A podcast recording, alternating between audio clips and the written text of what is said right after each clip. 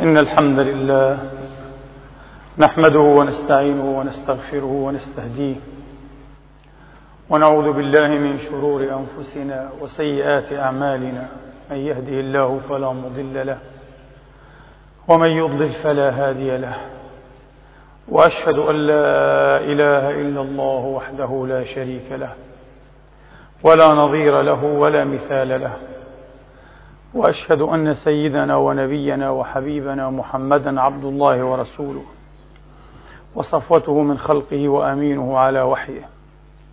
صلى الله تعالى عليه وعلى آله الطيبين الطاهرين وصحابته المباركين الميامين وأتباعهم بإحسان إلى يوم الدين وسلم تسليما كثيرا. عباد الله أوصيكم ونفسي الخاطئة بتقوى الله العظيم ولزوم طاعته. كما أحذركم وأحذر نفسي من عصيانه سبحانه ومخالفة أمره. لقوله سبحانه وتعالى من قائل من عمل صالحا فلنفسه ومن أساء فعليها وما ربك بظلام للعبيد. ثم أما بعد أيها الإخوة المسلمون الأحباب أيتها الأخوات المسلمات الفاضلات. يقول الله سبحانه وتعالى في كتابه الكريم بعد أن أعوذ بالله من الشيطان الرجيم. بسم الله الرحمن الرحيم. لخلق السماوات والأرض أكبر من خلق الناس ولكن أكثر الناس لا يعلمون.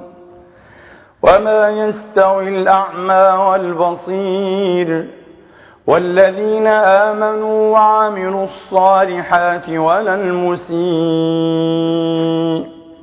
قليلا ما تتذكرون. إن الساعة لآتية لا ريب فيها ولكن أكثر الناس لا يؤمنون. وقال ربكم ادعوني أستجب لكم. إن الذين يستكبرون عن عبادتي سيدخلون جهنم. سيدخلون جهنم داخرين. الله الذي جعل لكم الليل لتسكنوا فيه والنهار مبصرا. إن الله لذو فضل على الناس ولكن أكثر الناس لا يشكرون. ذلكم الله ربكم خالق كل شيء لا إله إلا هو فأنا تؤفكون. كذلك يؤفك الذين كانوا بآيات الله يجحدون. صدق الله العظيم. وبلغ رسوله الكريم. ونحن على ذلك من الشاهدين. اللهم اجعلنا من شهداء الحق القائمين بالقسط. آمين. اللهم آمين. وعد من الملك الجليل الذي إذا قال صدق وإذا وعد وفى. وقال ربكم ادعوني أستجب لكم. إن الذين يستكبرون عن عبادتي سيدخلون جهنم داخلين. ويعرض لكثيرين من المسلمين والمسلمات سؤال يحيرهم ويقلقهم فما بالنا والحال هذه لا يستجاب لنا. ونحن ندعوه سبحانه وتعالى صباح مساء. ندعوه في شهر رمضان وفي الأيام المباركات التي نستقبل إن شاء الله تعالى بعد يومين تقريبا وليلتين أيام العشر. وندعوه في وقت الاضطرار وفي وقت الضيق. ندعوه في العشر الأواخر من رمضان. في حرم الله الشريف بمكة صانها الله وشرفها. ملايين يؤمنون ويرسلون الدموع السخية الحرة فما بالنا لا يستجاب لنا أبالنا تسوء أحوالنا وتزداد همومنا وتتوالى علينا الهموم والكوارث والمصائب. ما الذي يحدث؟ سؤال بلا شك أيها الإخوة. له خطره وله أهميته ولا بد أن يحاول الجواب عنه مستبصرين ومتضوئين بأنوار كلام الله سبحانه وتعالى وكلام رسوله المعصوم صلوات ربي وتسليماته عليه وآله وأصحابه أجمعين. وأول ما نجيب أيها الإخوة به عن هذا السؤال هو قوله عليه الصلاة والسلام الحديث الذي أخرجه الإمام أحمد في مسنده من حديث عبد الله بن عمرو رضي الله تعالى عنهما. قال عليه الصلاة والسلام القلوب أوعية وبعضها أوعى من بعض. فإذا دعوتم الله أيها الناس فادعوه وأنتم موقنون بالإجابة. فإن الله لا يستجيب لعبد دعاه عن ظهر قلب غافل. أشار صلوات ربي وتسليماته عليه بقوله القلوب أولية وبعضها أوحى من بعض إلى سر المسألة. إلى سر المسألة. ما علاقة حقيقة كون القلوب أوعية. وأن بعضها أوعى من بعض بالاستجابة للدعاء من عدمها. النبي هنا أيها الإخوة وضع إصبعه الشريف على سر المسألة وضحه في آخر الحديث بقوله فإن الله لا يستجيب. دعاء عبد دعاه عن ظهر قلب غافل. وسنشرح هذه الجمل. العناوين كما هو مقرر وممهد. لا تغير الحقائق. فلو سميت الباب نافذة لم يستحل الباب إلى نافذة. وبقي بابا. لو نعت العالم بالجاهل لم يصر جاهلا بمجرد نعتك.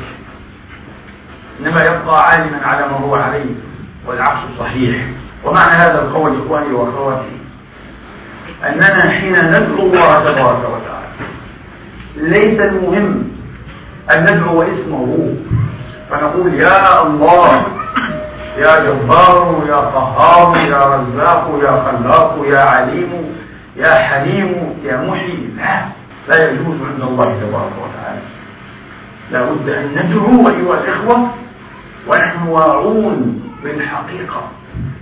ليس المهم أن ندعو اسمه ليس المهم أن ننادي اسمه وصفاته. المهم أن نكون عارفين به لا إله إلا الله. فإذا دعوناه دعونا من نعرف. وليس إلها آخر قلدناه وفصلناه على قدر أهوائنا وأمزجتنا ومصالحنا وفهمنا السقيم وأغراضنا الملتافة ومصالحنا المهزولة ثم عدنا بالخيبة فتحيرنا وتهوكنا وقلنا ما بالنا لا يستجاب لنا وندعونا الله.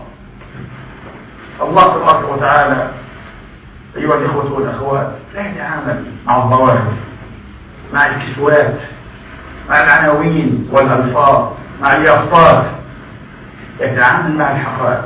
هو هكذا لا إله إلا هو. الله لا يحتاج إلى لغة كما نحتاج نحن انتبهوا اللغة هذه علامة على ضعف الإنسان في وجهه وعلى عزته يحاول أن يتخطى ضعفه وعزته بالتواصل اللغوي. والتواصل ليس تاما. تواصل مشدود ومنقوص من وجوه كثيرة. لكن هذا مبحث آخر الله قال سبحانه علياء إنما قولنا لشيء إذا أردناه أن نقول كن فيكون. وكما شرحنا هذا يتم في لا زمان. وما أمر الساعة إلا كلام في البصر أو آخر على ما بينا في الخطة السابقة مش فقط. تغيير حال إلى حال أخرى أو خلق مفردة من مفردات الوجود. عكس الساعة كل الساعة دفوع الكون يوجه طيب بساط الوجود. يقول كلام حي البصر أو هو أخر وهو أخر بكثير. إلى ما لم في لا زمان. لذلك انتبهوا الله لا يوثق شيئا كما نقول نحن. الله لا يتوسط أسبابا. ما نظنه واسطة وما نحسبه سببا مخلوق بأمر مباشر من رب العزة.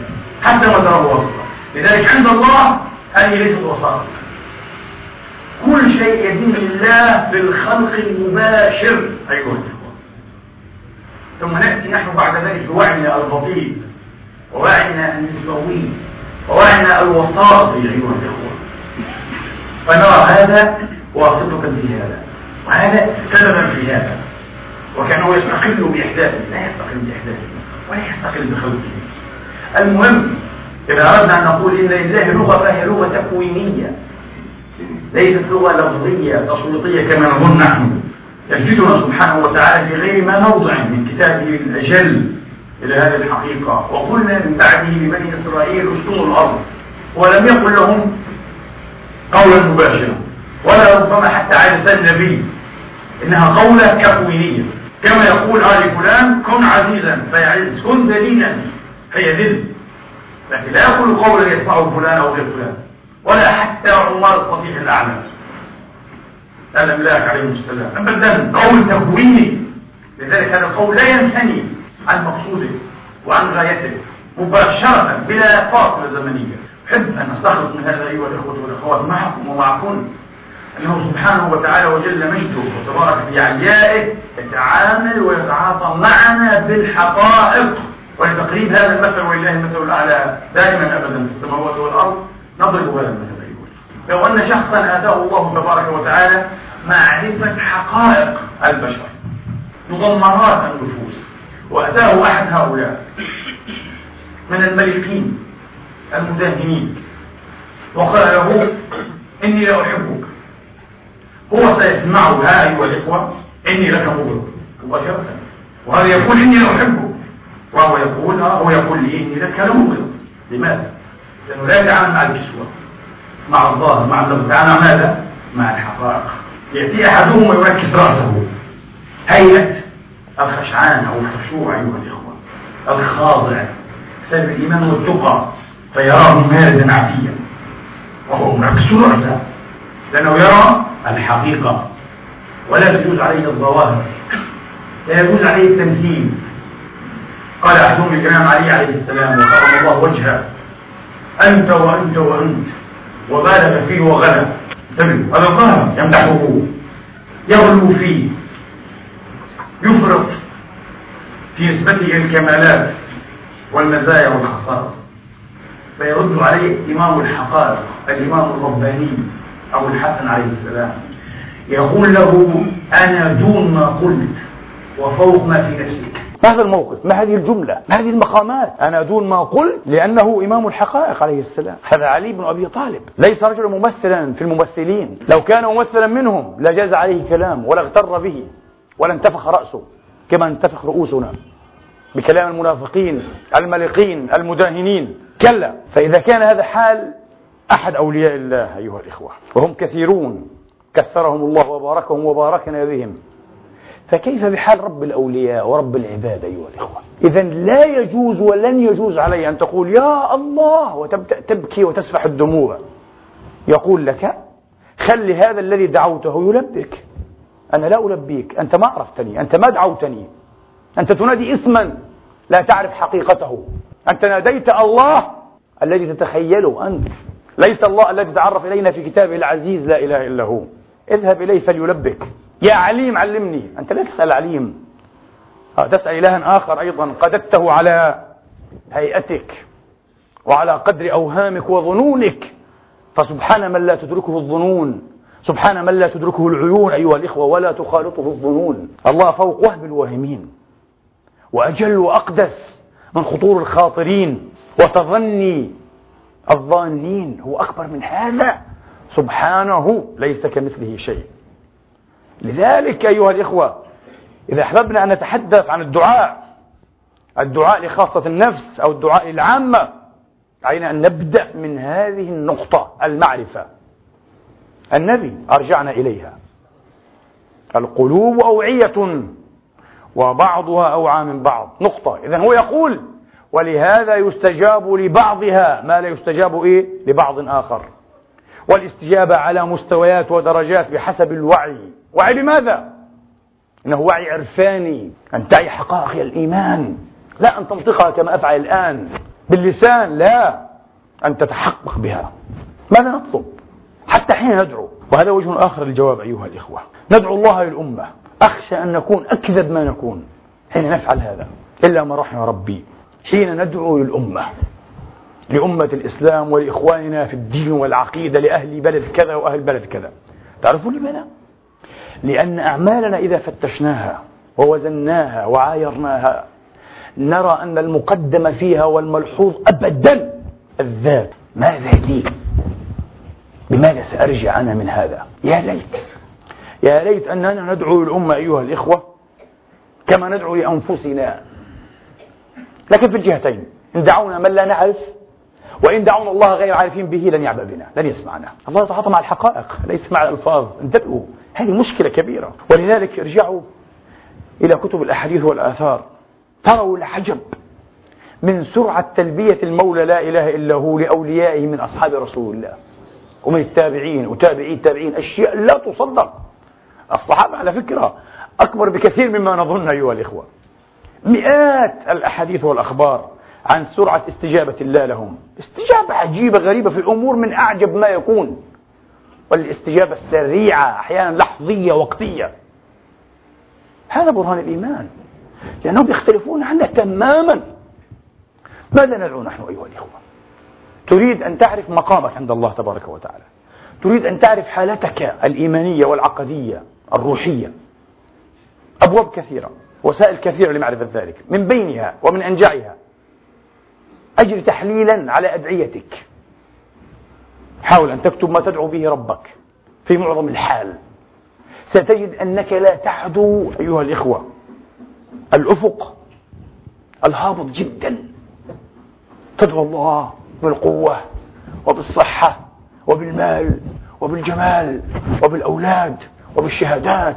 وبالعلم علم دنيوي. كله حتى علم الدين علم الدنيا. انتبه عشان الرفعة يعني. يصير مشايخ وعلماء وأئمة تقبل أعتابنا وأيدينا. هل ندعو الله فعلا راغبين في الآخرة؟ ليس أكثر. رغبتنا في الدنيا. هل معظمنا يفعل هذا؟ أشك. أنا أقول لكم أشك. لماذا؟ لست مطلعا على قلوب الخلائق. لكن أعمال الخلائق تبين عن نفسها. يكذب على نفسه. وعلى الآخرين أيها الإخوة. من يزعم أنه راغب في الآخرة رغبته في الدنيا. لا أود أن أقول أكثر من رغبته في الدنيا. لا يرغب في الآخرة رغبته في الدنيا. وهو يضحي الآخرة لرغبة محقورة جدا من رغائب الدنيا. الذي يأكل الحرام يريد الآخرة؟ كذاب. الذي يفعل الحرام يريد الآخرة؟ كذاب. الذي يمنع زكاة ماله؟ نعم يصلي الجمعة والجماعات ويمنع الزكاة ويحتال عليها لئلا يخرج الزكاة. يقول لزوجته قبل أن يحول الحول بيوم أو يومين. خذي مالي دينا عندك. فيقول أنا ليس لي مال. أعطيته دينا. يحول حوله وليس عنده على مذهب المذاهب. إذا لا يزكى. يقول ليس عندي. بعض المذاهب قال لا يزكى. بعد شهر أو شهرين أيها الإخوة يأزف ويقترب موعد زكاة مالها. فيقول لها أعطيني مالك دينا فتعطيه فيفصل زكاتها. ويصلون ما شاء الله. ما شاء الله. يقول هكذا.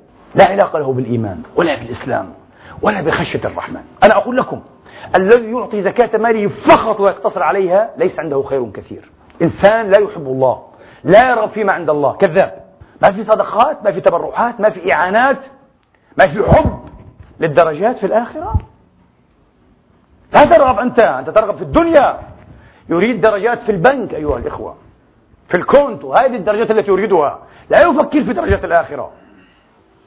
آه يقول آه يرغب. اللهم أعطنا الجنة. جنة ماذا؟ تكذب أنت. أنت فقط تعلمت أدعية تدعو بها هكذا تلقائيا. طريقة ميكانيكية فارغة. أين أنت من أصحاب رسول الله؟ ومن أولياء الله في كل زمان ومكان. يأتي أبو طلحة يا رسول الله إني سمعت الله تبارك وتعالى يقول لن تنالوا البر حتى تنفقوا مما تحبون. وإن أحب مالي إلي بيرحاء فخذها يا رسول الله وضعها حيث أراك الله. لم يقل له خذ لك ألف دينار خمسة ألاف دينار. قال لا حتى أكون من مصاديق قوله تعالى لن تنالوا البر حتى تنفقوا. هذه ناس آمنت بالله واليوم الآخر آمنت بالجنة وبالنار وبالشفاعة وبالصراط وبالحساب وبالبوازين. ليس الكذبة الممثلون بالدين وبالكلام في الدين. كلا أبو الدحداح نفس الشيء تعرفون قصته. ويخرج زوجها أم الدحدح وأولادها.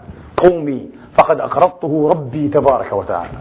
أقرض البستان كله. يساوي عشرات آلاف الدنانير الذهبية. لله قال. طبعا هذا أحد الصالحين مرة أيها الإخوة اشترى بقرة وفرحت زوجته جدا بها. فقالت ادعو الله لها. قال اللهم بارك فيها فسقطت ميتا قالت ما هذا؟ قال استجاب الله. تريدين البركة؟ البركة أن تبقى عند الله أن يبقى أجرها. أخلف علينا في مصيبتنا خيرا منها. تعلم من أين هذا تعلم هذا الصحة هذا الصالح الولي من رسول الله؟ تذبح له شاة فتفرقها عائشة رضوان الله تعالى هي الصديقة بنت الصديق أيها الإخوة وهكذا كان شأن عائشة لمن يتكلمون في عائشة. عشان عاشت وماتت ويدها كيد أختها أسماء. لا تمسك شيئا. زوج رسول الله في الدنيا والآخرة. أم المؤمنين في الدنيا والآخرة. قدس الله روحها الكريمة. إيه ليست معصومة عائشة. يقرأ عن صدقاتها. يبعث إليها ابن أختها ابن الزبير مئة ألف في يوم واحد وهي صائمة. وحين تؤوب الشمس أيها الإخوة تغرب تقول لجاريتها بريرة يا بريرة ائتني بفطوري فتجيبها مغتاظة حنقة وهل أبقيت لنا من شيء؟ قالت مئة ألف لم تبقي لنا حتى درهما واحدا نشتري به فطور للصائمين. أنت صائمة كلها انفقناه قالت لا تعنفيني يا بريرة لو ذكرتني لفعلت. رضي الله عنها وأرضاها. اللهم أحي قلوبنا أيها الإخوة بحسن الظن بأولياء الله في كل عصر وخاصة أصحاب رسول الله وأمهات المؤمنين. أسوأ شيء أن يسود قلب المؤمن على إخوانه أيها الإخوة وعلى أهل الله. المهم فرقتها هذه طريقتها تعلمت هذا من رسول الله. وعائشة كانت تسرد الصوت تصوم كل يوم إلى الأيام المحرمة لأن النبي أوصاها بهذا. قال لها يا عائشة أديني قرع أبواب الجنة بكثرة الصيام. ففرقتها إلا الذراع. فلما عاد عليه الصلاة والسلام سألها ما فعلت الشاء قال ذهبت كلها إلا الذراع. قال لا تقولي هذا يا عائشة. بل قولي بقيت كلها. بارك الله لنا فيها. بقيت. مباركة. لأنها ذهبت إلى دار الأبد. هذا إنسان يعبر الدنيا أيها الإخوة. رسول الله وأصحابه وأتباعه يعبرون الدنيا الدنية. هذا الوهم هذا الحجاب الكاذب. يعبرونه بعين البصيرة لا بعين البصر إيه الآخرة الباقية المؤبدة. ويشتغلون على هذا النمط أيها الإخوة يشتغلون حقيقة دون أن ينتظروا ثوابا أو جزاء أو مدحا من أحد من عباد الله لا يريدون هذا. ويستسرون بأعمالهم. اللهم اجعلنا منهم واسلك بنا سبيلهم. قال لا تقولي هكذا لكن قولي بقيت كلها إلا الذراع. وهذا الصالح. قال اللهم بارك لنا في بقرتنا ماتت. بدك البركة؟ أه؟ تبقى لك عند الله. فاشترى أخرى فقالت ادعو وأريد أن تبقى. قال اللهم أبقها لنا. فبقيت. لكن بارك لنا فيها ستموت. وهو دعاء مستجاب ويفهم ماذا يدعو هو. ويعرف أنها ستموت إذا قال بارك لنا فيها. هذه البركة. مش بركة الدنيا؟ بركة الشيء القليل الذي يزول عنك أو تزول أنت عنه. تنخلع منه أو يذهب هو عنك. هذا حال الدنيا. كل شيء راجع إلى الله تبارك وتعالى. عمر بن الخطاب أيها الإخوة يعمل في بستان الله. عنده حائط. هل الفقير. عمر الفقير أبو المرقعة ربما كان هذا في عهد الصديق رضي الله عنه وارضاهم يلتفت فإذا بصلاة العصر. آه دخل وقتها. يخرج مسرعا يترك كل شيء. فإذا بالناس قد عادوا من المسجد. ذهبت الجماعة. فتصدق به لوجه الله. لا بستان ولا ما يحزنهم يلا. لذلك استجابوا لهم. لأنهم أرادوا الآخرة. دعواتهم كيف يدعون. إيه. إذا دعا للدنيا واحد يدعو الآخرة ألفا. انتبهوا. نحن كل دعائنا للدنيا كما قلت لكم المال والصحة والجمال والنساء والأولاد والشهادات والكلام الفارغ. وإذا دعونا للآخرة كنا كاذبين. نكذب على أنفسنا. أعمال تؤكد أننا نكذب. حين نرجح دائما الدنيا أرجح. كل شأن حقير من شؤون الدنيا. آه أرجح لدينا. إذا هذا دعاء عن قلب غافل ولاهي وساهي قلب كاذب. آه يطلب الآخر بلسانه وهو مستهلك في طلب الدنيا مستغرق فيها. يعبدها من دون الله. يعبد الدينار والدرهم أيها الإخوة يعبد الشهوات يعبد المصالح والحيثيات والكلام الفارغ. نحن نكذب أيها الإخوة. قال الله تعالى ولله الأسماء الحسنى فادعوه بها. وذروا الذين يلحدون في أسمائه. هذه الآية نوردها مورد الحديث أيها الإخوة. حديث ابن عمرو. ما معنى ولله الأسماء الحسنى فادعوه بها؟ هذه الآية تدريج لنا في مراقي المعرفة الإلهية أيها الإخوة. تدريج وترقية في مراقي في سلم العرفان المعرفة الإلهية. الله الأسماء الحسنى فادعوه بها. حاول أن تقترب أن تتحقق وأن تتخلق وأن تفهم شيئا من حقيقة وحقائق. بل من المحيط الثجاج الطمطام العجاج. أيوة المختص بكل اسم وبكل صفة. حاول أن تفهم هذا. إذا عرفته تبارك وتعالى عبر هذا الاسم ثم دعوته به لباك مباشرة. لذلك الدعاء أيها الإخوة فيه حذاقة عرفانية. مش حذاقة لسانية مش سجع أسجاع نحفظ الأسجاع. على قافية النون وقافية الهاء وقافية الكاف. إنما المعرفة. أنت عرفت الله بهذا الاسم. عرفت شيئا من حقائق هذا الاسم؟ عشته أنت تعيش.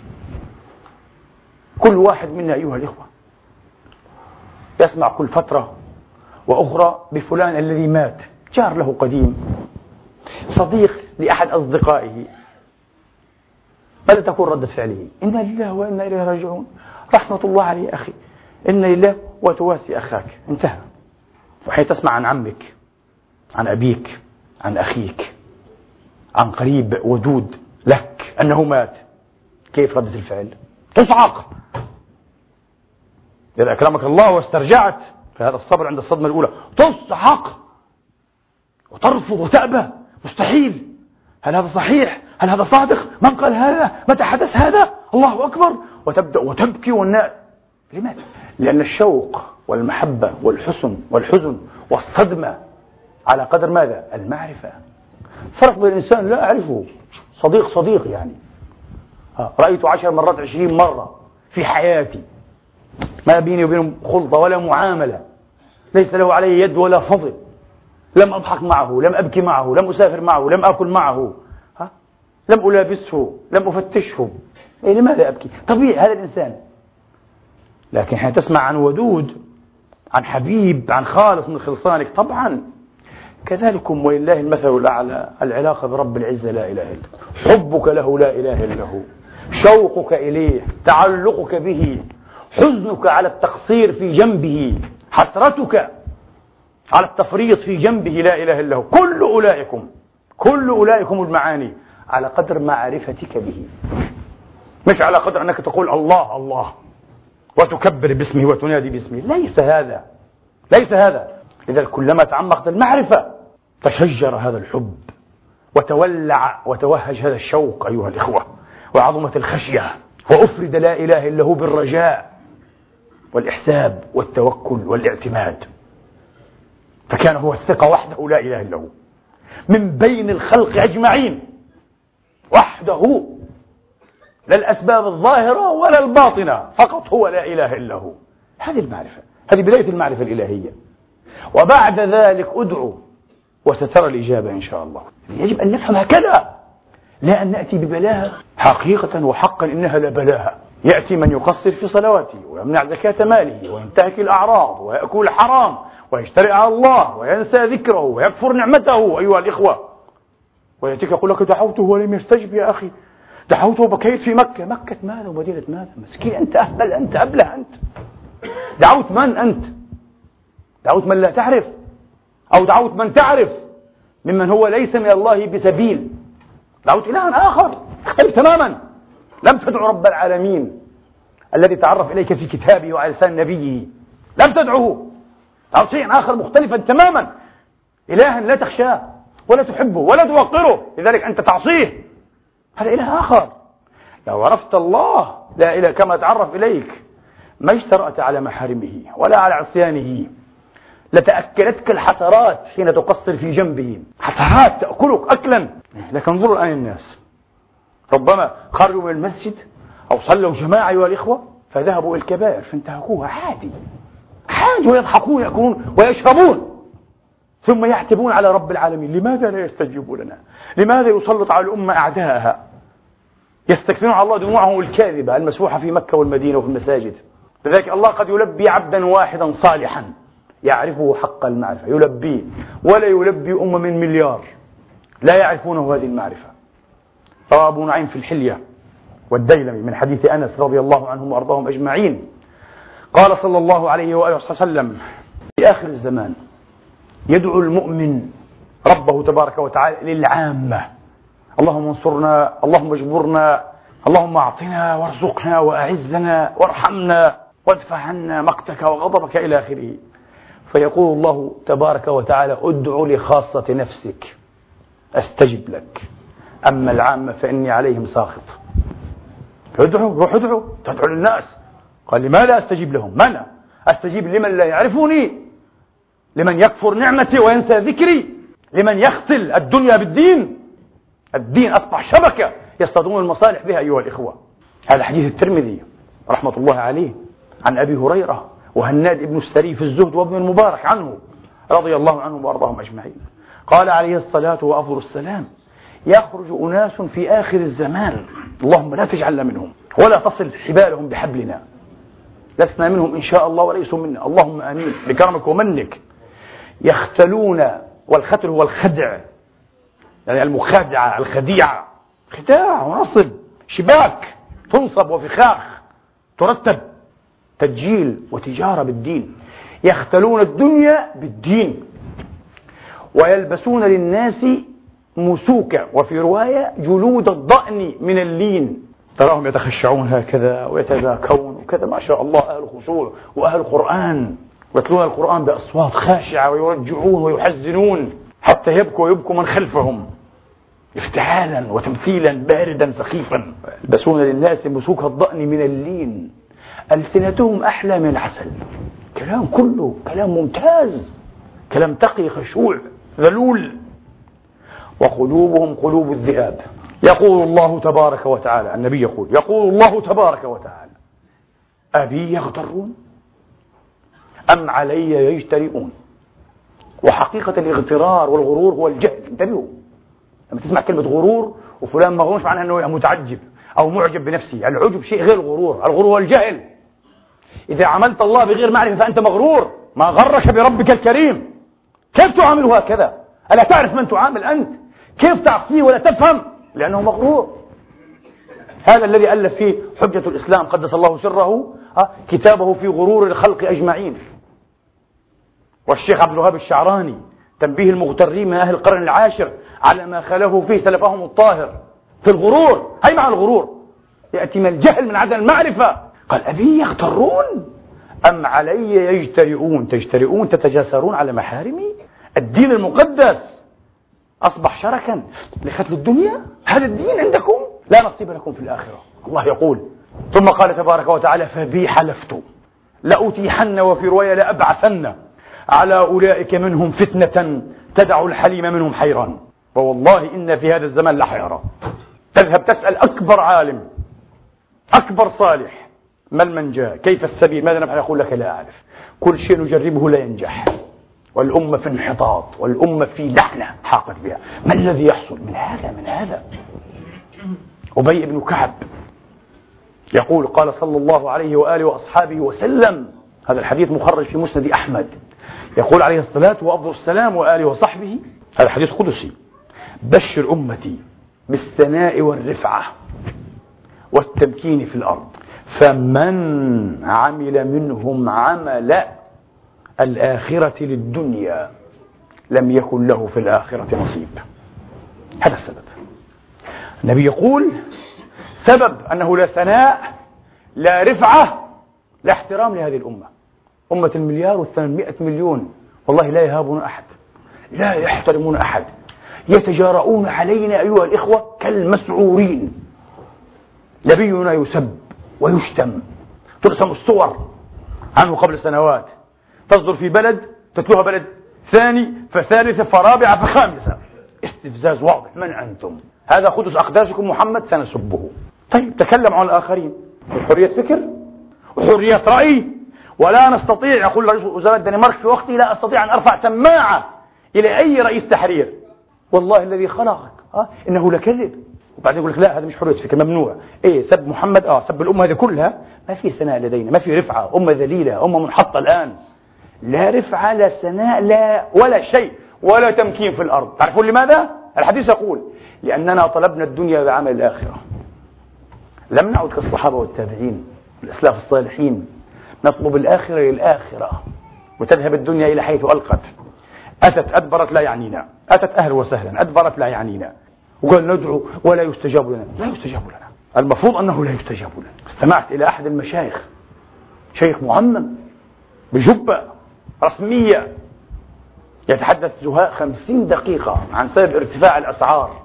السبب هم الناس. ليست الحكومة الظالمة ليس السراق ليس اللصوص حالم ليس عندهم الشجاعة أن يحكي كلمة في العامة وبالعموم أيها الإخوة. يقول هناك فساد. فساد مالي فساد إداري فساد كذا في الخطط فساد في الرقابة فساد في المحاسبة في فساد يا أخي احكيك بالعام يا أخي ما تحكي ما تتهم وزير حد. لا لا لا لم يجروا على هذا. خمسين دقيقة في فضائية إسلامية. تكذب على من يا مولانا؟ عيب عليك. اجلس في بيتك أشرف لك. تكلم بما يرضي الله يا رجل. ويأتيه ماركسي أحمر يقول له وما من دابة إلا على الله رزقها. وين ربكم؟ وين الرزق طيب؟ الناس تموت تأكل الزبالة. تتقمم الناس تستخرج أرزاقها من القمامة. وأنا سأجيبكم عن هذه الشبهة المخيفة بما فتح الله تبارك وتعالى. فإن يكن حقا فله الحمد والمنة. وإن كان غير ذلك فمن نفسه والشيطان والله بريء منه ورسوله. انتبهوا الله يقول في هود وما من دابة إلا على الله رزقها. وهذه الآية في معنى قوله سبحانه وتعالى وفي السماء رزقكم وما توعدون فورب السماء والأرض. إنه لحق. مثلما أنكم تنطقون. طب يا رب وأنت تقسم على هذا. طب لماذا بعض الناس مرزوق وبعضهم غير مرزوق؟ يوميا يموت الألوف من الجوع. وين الرزق؟ الله أجابنا أيضا. انتبهوا لا نحتاج إلى فلسفة وإلى القرآن أجابنا. قال يرزق من يشاء. هنا في تعليق. هذا التعليق ورد في مواضع. في موضع كالذي في آل عمران قالت هو من عند الله مريم البتول عليه السلام. إن الله يرزق من يشاء بغير حساب. التعليق واضح. لماذا قالت من يشاء؟ ليس بالإطلاق أيها الإخوة وإنما لنكتة بغير حساب. الذين يرزقهم بغير حساب يمدهم برزق الشتاء في الصيف وبرزق الصيف في الشتاء وبلا أسباب. هؤلاء أناس يختارهم يصطفيهم. إن الله اصطفاك. التعليق واضح ما في مشكلة. لكن آية الشورى التعليق فيها غير واضح. لكنه ملهم بحمد الله تبارك وتعالى. هو مفتاح الجواب. الله لطيف بعباده. يرزق من يشاء وهو القوي العزيز. يعني يرزق من يشاء ويمنع من يشاء. هذه الآية تتحدث في مقام. وآية إلا على الله رزقها تتحدث في مقام آخر. سنكشف لكم وجه القول. إلا على الله رزقها وفي السماء رزقكم. انتبهوا تقرير حقيقة قدرية. الله لا يخلق دابة ولا يبرأ نسمة أيها الإخوة منسومة إلا بعد أن يكون قدر لها رزقها وفي الحقيقة هو قدر رزقها قبل أن يخلق إيه؟ الأرض قبل أن تخلق الأرض. وحين خلقها كل شيء كان مقدرا. قال وجعل فيها رواسي من فوقها وبارك فيها وقدر فيها آه، أقوتها في أربعة أيام سواء للسائلين. كله كله. إلى يوم يطوي الله بساط إيه؟ هذه الدنيا أيها الإخوة. كل نسمة منسومة. كل ذي كبد رطب. الله قدر له كفايته من الرزق وأزيد من الكفاية. هذا وضع قدري مستوى قدري. إذا جئنا إلى مستوى التطبيق والعمل الله خلق هذه البشرية أيها الإخوة وخلقهم أحرارا وسلط بعضهم على بعض. كما سمح لبعضهم مثلا أن يقتل بعضا قتل إعدام حياة. وكما سمح لبعضهم أن يسرق رزق بعض. رزقك صار إليك وصار عندك. تمتد يده فتغتاله. وأنت أحوج ما تكون إليه. تحتاجه دواء لابنك الصغير لأمك العليلة. وربما هلك أو هلكت بسبب هذا الذي سرق. هذا فعل الإنسان. وحسابه عند الله تبارك وتعالى. أليس كذلك؟ لذلك جاء الشرع. لم يكتفي الله بالقدر. جاء الشرع وقال لك هذا حلال وهذا حرام. اعملوا هذا ها؟ واتركوا هذا. وإلا. هذا دورنا نحن الآن. الله يقول الرزق موجود. لم يمر على الأرض أيها الإخوة تاريخ أو حقبة كانت من الغنى والوفرة كهذا العصر. لكن ملايين مليار جوعى أيها الإخوة. مئات الألوف يموتون جوعا. يتطورون كل يوم وعلى درجات. لماذا؟ لأن الناس يسرق بعضهم أرزاق بعض. والقوانين والحكومات والبرلمانات والمشايخ والقسس والرابيون ورجال الدين والنصابون. ها جميعا يبررون هذا. هذا وضع كويس هو هيك المطلوب. خلاص؟ إذا تحملوا. هذا ذنبكم أنتم الله يقول ليس ذنبي. لذلك حين أتى إلى الفعل يرزق. انتبهوا ليس على الله رزقها. تقدير الرزق هناك. مقسوم انتبه. لكن أتينا إلى الفعل. يعني أكشل كما يقولون. بالفعل في الواقع. الله يقول يرزق من يشاء. بعض الناس يصلهم رزقهم بعضهم لا يصلهم. الذنب ليس ذنب إيه؟ القدر ذنب إيه هؤلاء. والشرع أتاك المخرج وأنت لم تفعل. لم تطبق هذا الشرع ماذا أفعل لك؟ وستحاسب على هذا. ستحاسب على أنك لم تطالب بتطبيق إيه؟ شريعة الله تبارك وتعالى. واجتثاث هذه الشرور وهذه المصائب من جذورها وامتلاقها. لم تفعل هذا. ورضيت بأنك كنت مرزوقا. وغيرك في الحقيقة يتضورون بل يموتون جوعا. هذه مشكلتك هذه جريمتك. هذا فهم الدين. هذا فهم القرآن. هذه عظمة القرآن الكريم. وهذا سر التعليق في قوله يرزق من يشاء. حتى ينبه العقل. أنا ما نبهني إلا هذا التعليق. إلى هذا الجواب. إلا هذا التعليق. إيه سر التعليق؟ تعليق بالمطلق. من يشاء. مش بغير حساب. حتى نفهم هذا. البقية عليكم. أنا قدرت. فاعملوا نسأل الله تبارك وتعالى أن يفقهنا في الدين وأن يعلمنا التأويل ويفتح علينا فتوح العارفين به. أقول قولي هذا وأستغفر الله لي ولكم فاستغفروه فيا فوز المستغفرين. الحمد لله. الحمد لله الذي يقبل التوبة عن عباده ويعفو عن السيئات ويعلم ما تفعلون. ويستجيب الذين آمنوا وعملوا الصالحات ويزيدهم من فضله والكافرون لهم عذاب شديد. وأشهد أن لا إله إلا الله وحده لا شريك له وأشهد أن سيدنا محمدا عبده ورسوله صلى الله تعالى عليه وعلى آله الطيبين وصحابته الميامين وأتباعهم بإحسان إلى يوم الدين. أيها الإخوة أحب أن أختم فقط بجملة واحدة. ماذا نريد أن نقول من خلال هذه الكلمات عبر هذه الخطة أيها الإخوة؟ نريد أن نقول إنها دعوة إلى معرفة الله تبارك وتعالى. معرفة الفرد لله ومعرفة الجماعة لله. معرفة الواحد ومعرفة الأمة عبر كتاب الله تبارك وتعالى وسنة نبيه عبر التأمل وعبر الصدق أيها الإخوة في طلب الفهم وطلب الحل وطلب التوصيف بهذا الكتاب الأعز الأجل الأقدس أيها الإخوة. وستصير الأمور واضحة تماما. قال ادعو لخاصة نفسك أستجب لك أما العامة فإني عليهم ساخط. الدين أيها الإخوة ينمي وعيا مجموعيا في هذه الأمة. لا يتعامل معنا كتفاريق يريد وعيا مجموعيا. ولذلك أيها الإخوة الذي يدعو العامة إن ذهبنا ندعو العامة تعرفون شرط إجابته متى؟ متى الله يستجيب له؟ إن كان فعلا يريد مصلحة العامة ليس بدعائه فقط بل بعمله.